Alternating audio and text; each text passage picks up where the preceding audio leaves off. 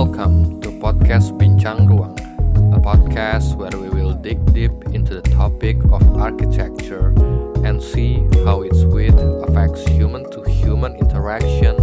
Its length embodies the most complex philosophical problems, and its height affects human spirituality. Sit back and listen to how the space around you is built with multidimensional paradigm.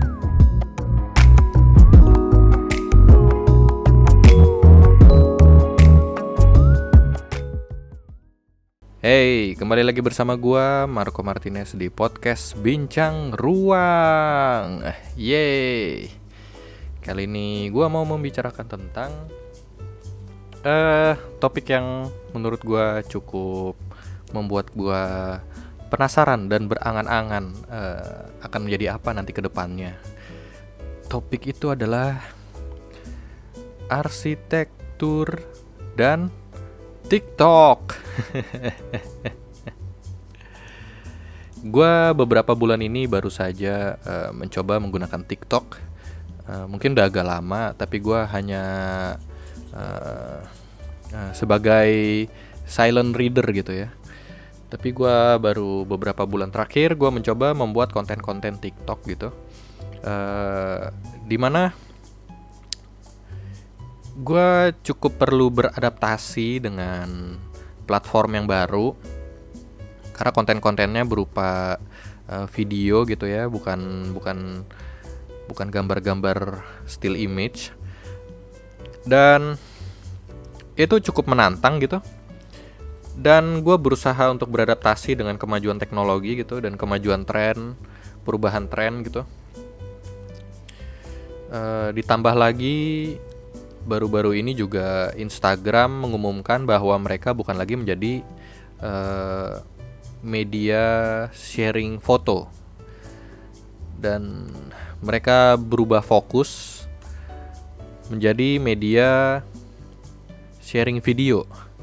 Dan mereka mengeluarkan uh, fitur IGTV itu udah lumayan lama udah mungkin dua tahun lalu apa berapa tahun lalu ya dan yang terbaru mereka mengeluarkan fitur Reels.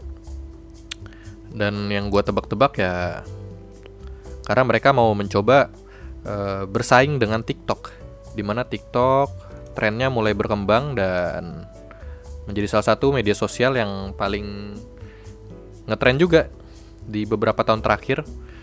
Dan kemudian gue juga sempat lihat-lihat ada data-datanya bahwa di Instagram sendiri pun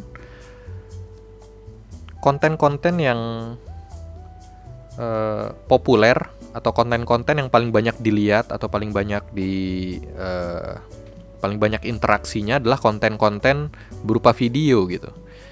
Jadi datanya juga sudah mendukung dan tren masyarakatnya juga sudah mendukung. Makanya Instagram mulai beralih menjadi ya menyerupai TikTok dengan fitur Reels-nya. Dan sebagai generasi sandwich gitu ya, generasi milenial, gue mencoba untuk uh, sedikit masih relate lah dengan perkembangan zaman dan gue akhirnya mencoba membuat beberapa konten reels atau konten TikTok yang gue share juga di TikTok maupun di Instagram gitu. Dan ya yeah, it makes me wonders gitu future dari marketing arsitektur image building dari arsitek sendiri itu nanti ke depannya bagaimana.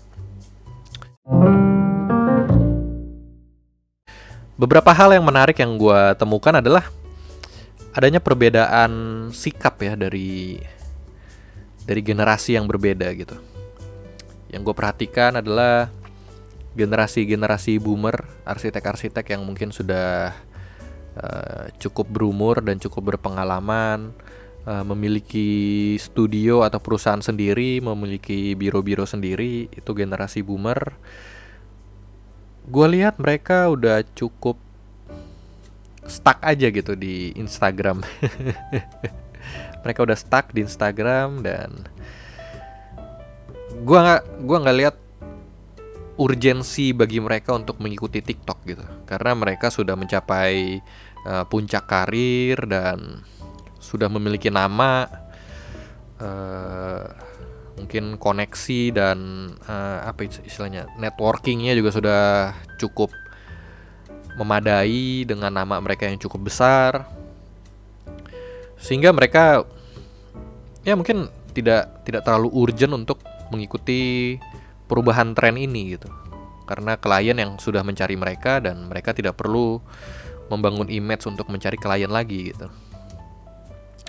Dan ya gue lihat mereka masih meneruskan uh, tren-tren untuk men-share foto di Instagram men-share still image uh, apa sih namanya gambar tidak bergerak gitu ya di Instagram.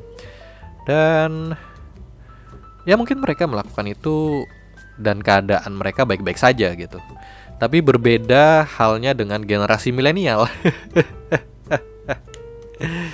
Generasi yang ah sudah gue gue bisa lihat generasi milenial itu sudah cukup tua untuk membuat konten TikTok joget-joget tapi juga belum cukup umur untuk bisa memakai Instagram saja seperti generasi boomer itu gitu. Jadi umurnya nanggung-nanggung gitu ya, umur-umur uh, kalau pergi ke klub malam itu disebutnya om-om, tapi kalau pergi ke Prodia itu juga dianggap terlalu muda untuk pergi ke Prodia untuk medical check up. Umur-umur nanggung ini emang umur. Jadi kalau pergi ke clubhouse itu dianggapnya uh, om-om udah tua banget, nggak asik gitu. Tapi kalau pergi ke Prodia juga dianggapnya wah kamu hebat sekali ya sudah muda tapi sudah mau medical check up. Dan itu metaphorically speaking juga berlaku di tren media sosial gitu. Di mana uh, kalau kita nge-share foto-foto di Instagram saja itu dianggap uh, mungkin uh, itu kayak boomer yang udah punya nama gitu ya. Dianggapnya udah nggak asik juga nggak uh, asik banget sih cuman nge-share still image. Tapi kalau kita nge-share video TikTok atau Reels itu dianggapnya juga seperti om-om yang so asik gitu dan ya itu generasi milenial uh, uh, susah juga. Dan kaitannya dengan arsitektur ya ya gue nggak tahu ya. Cukup berat juga mungkin ya untuk bisa membuat konten-konten uh, video bro, uh, konten-konten arsitektur berupa video gitu. Ya gue gue lihat beberapa teman gue yang seangkatan yang generasi milenial juga sudah mulai mencoba untuk uh, mencoba untuk tetap mengikuti zaman gitu ya. Mengikuti uh, himpitan zaman. Dan mulai mencoba membuat reels membuat video TikTok. Uh, ya dan gue rasa itu tidak mudah bagi siapa pun. Dan ya mungkin butuh waktu untuk bisa uh, menemukan titik nyamannya seperti apa nanti untuk membuat konten-konten arsitektur yang mengedukasi dan uh, sebagai media marketing juga ya di Instagram, TikTok berupa video gitu dalam bidang arsitektur. Karena tidak dapat dipungkiri bahwa arsitektur sangat sangat berat bertumpu pada foto-foto tidak bergerak. Foto-foto karena mirip seperti apa ya? Kalau bisa kita sebut seperti fotografi gitu ya. Ya fotografi, ya namanya juga ada fotografi gitu. Ya mau nggak mau ya pasti ya foto tidak bergerak kan gitu. Dan ya arsitektur itu sangat rely terhadap foto-foto tidak bergerak gitu ya karena apa ya ketika mendesain juga mungkin ada spot-spot tertentu yang kita mau terlihat bagus di sini gitu ya dari sudut ini itu adalah sudut yang maksimal uh, desainnya terlihat uh, masa gubahan masanya dan timbul timbul dan tenggelamnya terlihat dan ya terlihat dari angle ini terlihat paling maksimal, paling menonjol desainnya. Tapi ketika dilihat dari angle lain mungkin terlihat kurang bagus gitu ya. Jadi mungkin agak-agak agak-agak relay terhadap foto-foto tidak bergerak gitu ya karena mungkin hanya dari sudut tertentu saja ini terlihat maksimal desainnya. Tapi sedangkan kalau berupa video dan videonya mungkin berputar atau terlihat dari angle-angle yang lain uh, itu itu sesuatu yang kita tidak tidak mau dilihatkan gitu. mungkin mungkin eh, nggak uh, tahu juga. Uh, Mungkin gue pause dulu sebentar, gue mau balas WhatsApp. ya jadi begitu. Sorry tadi gue pause karena ada keperluan sebentar. Uh, dan mungkin uh, kembali lagi ke tren media sosial dan uh, kaitannya terhadap generasi yang berbeda gitu ya boomer sudah, milenial sudah, mungkin sekarang kita coba beralih ke generasi Z. Generasi yang alamnya sudah dari sananya beradaptasi dengan TikTok gitu, generasi TikTok. uh, somehow gua melihat generasi TikTok itu seperti generasi yang uh, bebas ya seperti generasi yang uh, tidak menutup-nutupi kejelekan atau tidak menutup-nutupi uh, kemalangan hidupnya. Generasi yang apa adanya dan generasi yang bebas ber berekspresi gitu ya. Karena hal pertama yang gue notice ketika gue pindah dari Instagram dan gue mencoba TikTok berpindah ke TikTok adalah betapa bebasnya berekspresi di TikTok gitu ya. Canda-candaan yang cukup vulgar atau yang cukup uh, cukup apa istilahnya ya? Cukup belak-belakan gitu ya, belak-belakan, cukup apa adanya dan dan itu yang gue lihat dari generasi TikTok ya, generasi Gen Z.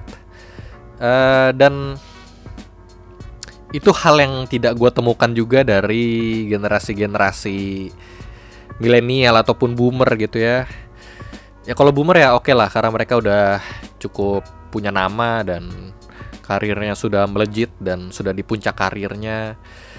Generasi milenial gue tidak temukan itu uh, karena generasi milenial uh, jadi gue gua harap ini gue berusaha apa adanya ya karena gue merasa sebagai generasi milenial juga dan yang ini yang gue rasa gitu. Generasi milenial itu uh,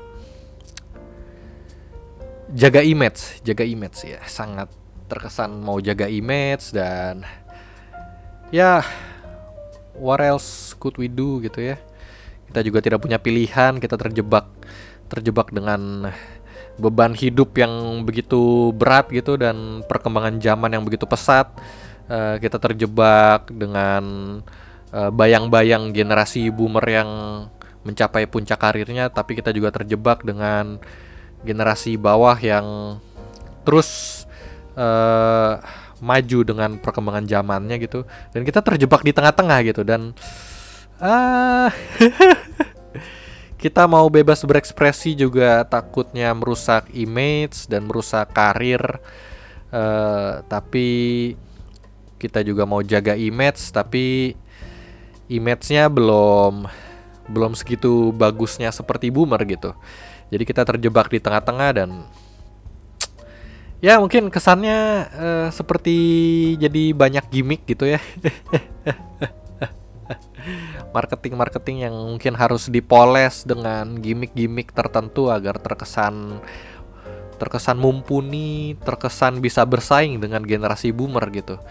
Dan ya kita mau gimana lagi ya? Emang emang harus seperti itu gitu untuk bisa bersaing dengan generasi-generasi boomer gitu ya dan uh, tapi kita juga harus bersaing dengan generasi-generasi Gen Z ini gitu jadi it's very pathetic gitu ya untuk generasi milenial sungguh menyedihkan dan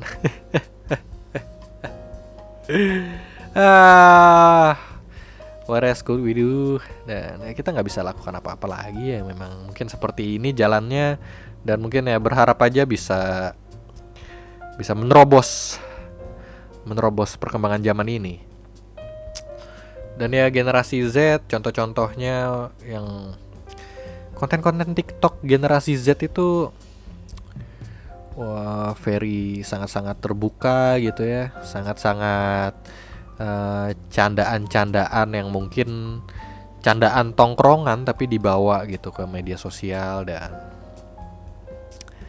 ya kayak gue nggak tahu. Jadi kalau dibawa ke konteks arsitektur apakah mungkin memang trennya akan terbawa ke sana?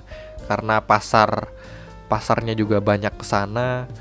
Dan mungkin nanti akan mulai muncul konten-konten arsitektur yang pakai musik-musik.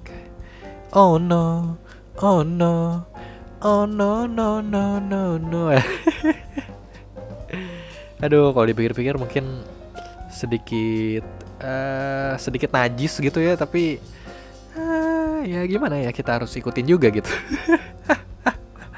Jadi ini kayak mau mengikuti idealisme atau ya sudahlah kita ikutin aja perkembangan zaman mau alay alay sekalian aja alay karena emang pasarnya ke sana yang banyak. Dan ya gue rasa cukup misterius dan cukup kalau gue pribadi gue cukup excited gitu untuk melihat perkembangan zamannya nanti gimana dunia arsitektur.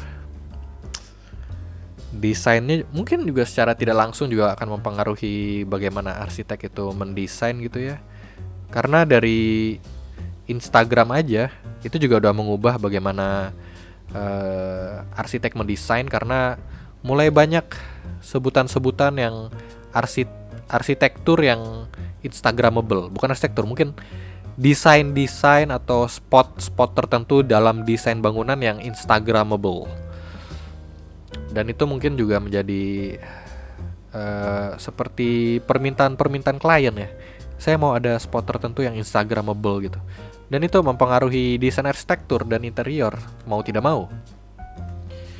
Menciptakan spot-spot tertentu yang bagus gitu ya. Untuk difoto Instagram dan ya gue nggak tahu. Ketika trennya mulai berkembang ke video gitu ya ke TikTok dan Reels ya gue nggak tahu perkembangannya bagaimana. Mungkin ya kita bisa lihat uh, beberapa desain mungkin udah mulai mencoba dengan ini gue udah coba bahas juga waktu itu di episode tentang arsitektur 4.0 gitu ya. Di mana mungkin animasi atau kalau zaman sekarang mungkin yang kita relate uh, layar LED sebagai fasad bangunan gitu ya. Jadi itu juga sebagai fasad yang dinamis gitu ya. Dan beberapa juga ada yang LED 3D gitu jadi bangunannya seperti ditutupin dengan LED tapi animasinya tuh animasi yang 3D gitu jadi terlihat ada bermain dengan masa bangunan itu sendiri animasinya tuh bermain dengan masa bangunan gitu dan mungkin ke depannya ke sana karena mulai berkembangnya juga marketing yang berupa video gitu ya. Jadi mau nggak mau ya bangunannya juga harus dinamis dan berubah-berubah gitu ya. Dan yang mungkin ada juga kinetik fasad gitu ya kinetik. Itu fasad yang bisa berinteraksi dengan alam gitu. Ketika tertiup angin dia sedikit bergelombang mengikuti alam gitu ya. Angin kalau anginnya cepat dia fasadnya seperti bergelombang gitu. Uh, udah ada beberapa contohnya sih di Jakarta. Di Medan gue juga udah sempet uh, lihat ada beberapa yang pakai kinetic fasad gitu. Kinetic uh, secondary skin. Dan mungkin contoh lainnya adalah Esplanade di Singapura gitu mungkin ya. Mungkin akan bergeraknya ke sana gitu. Karena ya sesuatu yang dinamis itu lebih bisa mengikuti perkembangan teknologi media sosial di zaman sekarang. Mungkin ya gue nggak tahu juga. Makanya gue excited untuk melihat bagaimana perkembangan berikutnya gitu ya. Karena mau nggak mau ya ini yang gue yakini media sosial itu juga akan mempengaruhi bagaimana uh, desain-desain bangunan itu nanti berkembang gitu. Dan ya mungkin itu aja untuk episode kali ini episode yang cukup singkat dan uh, ya mungkin kalian bisa komen atau kirim pemikiran kalian ke podcast bincang ruang at gmail.com gitu. Dan mungkin kita akan berdiskusi uh, tentang topik yang menarik ini mungkin kalau kalian punya pendapat atau tidak setuju atau apa yang kalian alami juga mengikuti perkembangan zaman bagaimana ya itu saja untuk uh, episode kali ini. Episode yang cukup singkat. Cukup 20 menit saja lah. Uh, oke okay, see you in the next episode. Goodbye